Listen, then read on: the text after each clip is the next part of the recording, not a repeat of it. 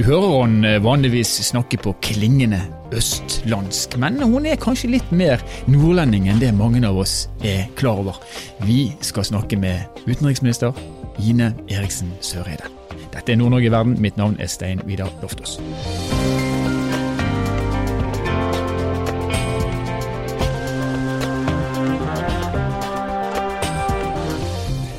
14.11. i 1994 så hørtes det en kraftig eksplosjon midt i Tromsø sentrum. Midt i innspurten av en oppheta EU-debatt så sprengte aktivister fra europeisk ungdom en fire meter høy mur, riktignok laget av isopor. Målet var å vise motstand mot isolasjon fra EU, og for å sikre at folk eh, forsto denne symbolikken, så ble det brukt en hel kilo med krutt. Ja-siden har vært i så klart mindretall at de for å bli hørt har måttet ty til de mest drastiske virkemidlene. EU-tilhengernes sprengning av den symbolske muren i Tromsø Eksplosjonen den var kraftig. Det regna glødende isoporbiter nedover tilskuerne. Eh, resten av muren tok fyr, og flammene sto flere meter opp i lufta utenfor Kulturhuset, før brannvesenet ble tilkalt. Og en av de som sto bak denne markeringen, det var deg, utenriksminister Ine Marie Eriksen Søreide. Velkommen til oss. Tusen takk. Hva, hva husker du fra denne ettermiddagen i 1994? Og jeg husker veldig mye. Vi var jo en uh, gjeng som uh, skulle gjøre en virkelig sånn siste innsats uh, i EU-kampanjen. Og vi hadde de siste tre ukene av kampanjen blitt, fått samla alle ja-organisasjonene i én organisasjon, Ja-aksjonen, som Turi Birkeland leda. Og vi, skulle overalt i landet gjøre en virkelig sånn siste innsats. Og min rolle i det hele var nok bare å Eh, jeg tror jeg kjørte denne isopormuren på et tidlig tidspunkt på en tilhenger et eller annet sted. Um, men det er klart at jeg tror ikke det var noen som helt eh, visste hvor eh, bokstavelig talt stor sprengkraft den muren skulle ha. Og dette er jo det, det hører jo med til historien også at det var Torbjørn Jagland som sto og talte foran muren da dette skjedde. Eh, og det er klart at det kunne jo virkelig gått veldig ille, og det er, det er ikke, ikke, bra i det hele tatt. Men samtidig så um, er det jo noe som på mange måter uh, ble huska, og jeg vil jo også si at, at den, den uh, det engasjementet og den intensiteten som var mot slutten av den kampanjen, den var sterk fra både ja-sida og nei-sida. Nå var det jo nei-sida som vant, og jeg pleier jo ofte å si det at jeg, jeg, hadde jo min politiske debut eh, som, eh, som ja-aksjonist i Nord-Norge, og det er jo noe som, som herder en ung politisk sjel. Også, eh, sikkert mange med meg sliter litt med tanken på utenriksministeren vår som aksjonist. Fremstår jo som en eh, Ikke som en aksjonist, eh, ta det som et eh, kompliment. Men det her skjedde som du altså det skjedde i Tromsø, og det skjedde mens du bodde i Nord-Norge. For du bodde i Tromsø fra du var 14 år og til ja, et godt stykke inn i, i, i voksenlivet ditt. Har det forma deg på noen måte? Absolutt. Eh, og jeg tror alle som Eller altså, det stedet du bor og de omgivelsene du har i ungdomsåra, altså fra jeg var 14 og fram til jeg var 24, det er klart det former deg. Det er veldig mange av eh, livsvalga dine blir tatt. Eh, F.eks. hva du skal studere, om du skal studere og, og, ikke minst også de, de vennene du har og bekjentskapene du har, som du jo eh, veldig gjerne tar med deg livet ut. Så det er helt åpenbart at det former deg. Og så ga det jo meg et litt annet perspektiv på ting enn eh, en andre. fordi at da jeg flytta tilbake til, til, Oslo igjen da jeg var 24 år og skulle bli leder i Unge Høyre, så hadde jo jeg ti år bak meg i Tromsø, og, og, kunne bruke noen av de perspektivene også. Men du har umiskjennelig østlandsdialekt, Strømmen, hvis ikke jeg tar helt feil. Riktig. Har du aldri, du har, du har aldri vært i, inne på tanken om å legge om og markere din eh, litt nordnorske tilhørighet? Nei, jeg, jeg, tror faktisk at jeg, jeg flytta opp kanskje et år eller to for seint til å gjøre det. Jeg hadde jo folk som jeg gikk på skole sammen med i klasse og parallellklasse som hadde lagt om dialekta, men det var fordi de gjerne kom opp noen år før meg. At da, jeg tror det går et sånn knekkpunkt der rundt sånn 11-12 år, hvor det er mm. veldig naturlig at du legger om, og så er det ikke fullt så naturlig eh, når du er litt eldre. Men, men, men jeg, jeg, vil jo si at jeg plukka opp en god del eh, sterkere uttrykk, da. Så det ble flittig brukt innimellom. ja, ja, se der. Det kan vel være viktig også i utenriksministergjerningen. Jeg har selv bodd her i 33 år. Jeg bruker å si at jeg er bergensk i hjertet, men jeg er litt nordnorsk i hodet. og Det er kanskje sånn du kjenner det, du òg? Ja. Du, du, har vært forsvarsminister siden 2013, og så ble du utenriksminister i 2017. og Norge er jo et, et, lite land i en stor verden. Sånn helt kort og konkret, hva er det viktigste du gjør som utenriksminister? Veldig kort så er det jo å ivareta norske interesser på alle områder. altså Enten det er at vi skal eh, nå fra 1.1 gå inn i Sikkerhetsrådet og skal ivareta gode norske posisjoner og, og få gjennomslag for dem. Eh, men det er jo også i direkte forhandlinger som vi har, f.eks. nå med britene, så er det viktig at eh, jeg som utenriksminister også har en hånd med i det, med tanke på hvordan vi skal jobbe her fra Utenriksdepartementets side. Og så er det jo det vi jo gjør veldig mye av, det er å hjelpe nordmenn i utlandet. Eh, det er mange som eh, til enhver tid trenger eh, hjelp, enten til å komme seg hjem, og det merka vi jo spesielt godt i februar, mars, april, da pandemien kom. Vi brukte enorme ressurser på å få hjem nordmenn som var stranda ulike steder i verden. Og så har vi jo nordmenn som bor i utlandet som uh, trenger hjelp, og så har vi de som av og til kommer i situasjoner hvor de trenger helsehjelp f.eks. Og vi bistår enten de er på sykehus eller sitter i fengsel. Og det er en del av jobben vår også. Ja. Det, høres, det, høres, interessant ut, jeg er helt sikker på at det er også. Eh, hvis vi ser på noe av det som du er med på å drive frem i norsk politikk, da, så eh, la dere frem, altså regjeringen la frem eh, nordområdemeldingen for kort tid tilbake, i november. Eh, og jeg har lyst til å spørre deg, Hvorfor trenger Norge en nordområdemelding? Vi har jo f.eks. ikke noe trøndermelding eller vestlandsmelding. Hvorfor, hvorfor er det viktig å ha en nordområdemelding? Det er kort fortalt fordi nordområdene er vårt viktigste strategiske ansvarsområde.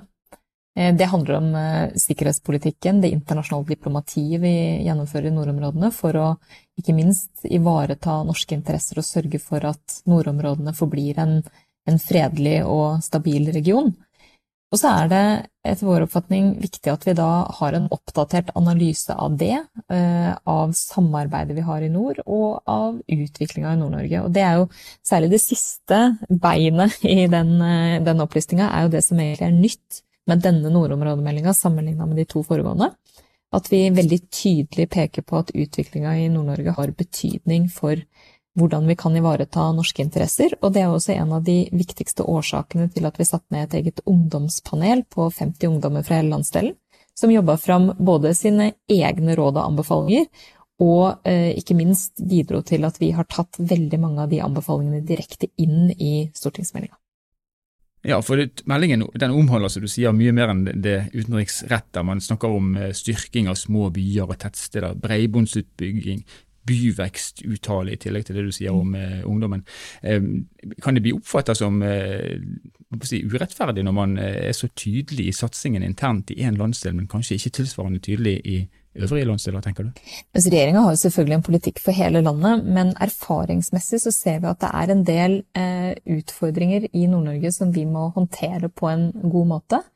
Det ene er jo at det er kanskje det stedet vi tydeligst ser at utenriks- og innenrikspolitikk møtes, og at det internasjonale samarbeidet blir en veldig viktig og naturlig del av politikken. Det andre er jo at vi har noen demografiske utfordringer som vi har hatt helt siden 70-tallet, men som er viktige å håndtere på en god måte, nettopp fordi at nordområdene er vårt viktigste strategiske ansvarsområde, og at det som skjer i Nord-Norge har betydning for hele landet. Og jeg pleier å si, og det sa jeg i forbindelse med presentasjonen av meldinga også, at det som er bra for Nord-Norge, er bra for hele Norge. Vi har mm. mesteparten av vår enormt lange kystlinje i nord. Vi har jo verdens nest lengste kystlinje etter Canada. Vi har enorme andeler av våre eksportinntekter som kommer fra ressurser som eh, utvinnes i nord. Og ikke minst så ser vi jo også den eh, veldig tydelige strategiske plasseringa nettopp med naboskapene som gjør at, eh, med andre land, som gjør at nordområdene er så viktig strategisk for Norge. Og det som du sier, Vi er avhengig av eksport. altså Norge er en liten og åpen økonomi. og Nord-Norge er kanskje den landsdelen som i sterkest grad avhenger av å kunne eksportere varene sine. Er ikke vi bevisst på dette? Er, er, er dere for lite flinke til å forklare sammenhengene? Vi kan helt sikkert bli mye flinkere til å forklare de sammenhengene, og jeg tror de er viktige, fordi eh, min erfaring med både å ha bodd mange år i Nord-Norge, men også å ha reist mye i Nord-Norge som statsråd, enten som forsvarsminister eller nå som utenriksminister, så er det jo at det er en enorm optimisme eh, og ikke minst innsatsvilje i nord med tanke på både innovative løsninger, kreativitet, næringsutvikling Og, og det å, å, ta vare på det på en god måte, og kunne omsette det f.eks. i eksport, er veldig viktig. Men da må vi ha et marked å eksportere til der vi har like vilkår som andre. Har vi ikke det, så blir det veldig mye vanskeligere, og ikke minst blir det veldig mye lenger fra nord enn fra andre landsdeler i Norge. Så for oss er det å fokusere på EØS-avtalen og de mulighetene den gir både næringsliv og folk i nord, som den gjør i alle andre steder av landet, det er usedvanlig viktig. Og uten den EØS-avtalen så ville det sett veldig mye vanskeligere ut i Distrikts-Norge. Vi har jo mange bedrifter rundt omkring i distriktene i Norge som sier veldig klart og tydelig at uten EØS-avtalen så kunne vi ikke drive på den måten de gjør. Vi skal gjøre en uh, sharp U-sving fra norsk politikk til uh, utenrikspolitikk igjen.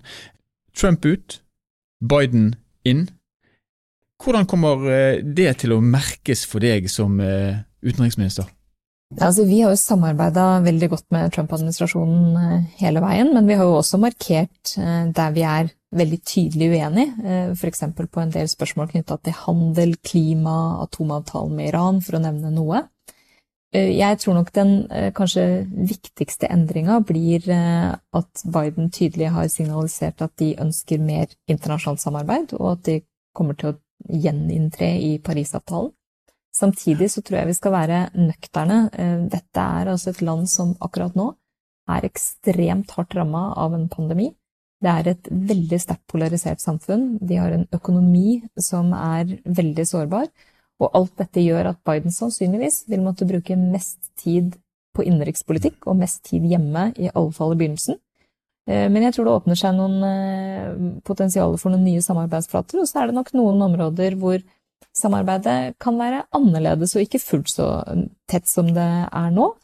Eh, og jeg tror nok også vi må, må, være forberedt på at mesteparten av utenrikspolitikken kommer sannsynligvis til å være prega av ganske stor eh, si, forutsigbarhet sammenligna med, med, det vi har nå. Altså at mange av tingene videreføres, men at den eh, kanskje forutsigbarheten vi som allierte har savna i noen år, det å diskutere med allierte, komme fram til enighet med allierte, det tror jeg det kanskje blir mer av nå, og det tror jeg er bra optimist uten at du sier at det vi kommer fra har vært dårlig. Det er egentlig ganske betryggende å høre. Vi skal gå inn for landing nå, eh, Ine Marie. Vi nærmer oss eh, som sagt eh, slutten av året, og straks er det jul. Jul i annerledesåret 2020. Hvordan har du tenkt å feire julen?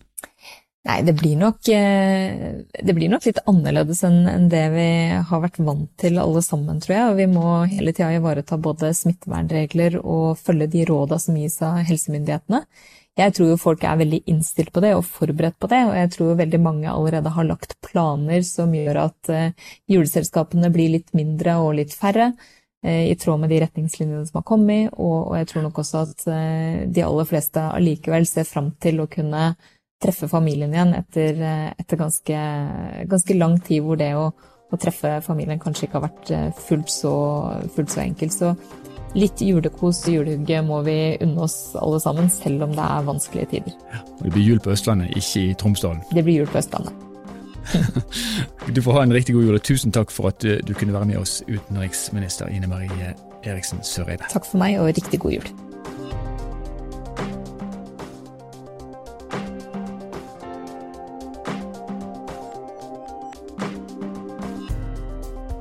Den nordnorske østlendingen eh, Ine Marie Eriksen Søreide, utenriksministeren vår, der. Og Det som jeg sitter igjen med etter dette intervjuet, her, det er en eh, utenriksminister som eh, egentlig ser ganske lyst på situasjonen. Og ingenting er jo bedre enn det. Vi er mange av oss opptatt av at kanskje verdensbildet ser litt mer ustabilt ut enn det det har vært. Men sånn som det høres ut når man snakker med utenriksministeren vår, så er dette her normalt. Det er sånn som man må kunne forvente. Og om noe så kommer situasjonen til å bli mer stabil og mer forutsigbar utover i 2021. Vi får håpe at hun har rett i det. Nord-Norge i verden er en podkastserie som er laget av Sparebank1 Nord-Norge i samarbeid med Helt Digital. Musikken du har hørt er laget av Emil Karlsen. Mitt navn er Stein Vidar Loftaas, og vi høres på andre siden av nyåret.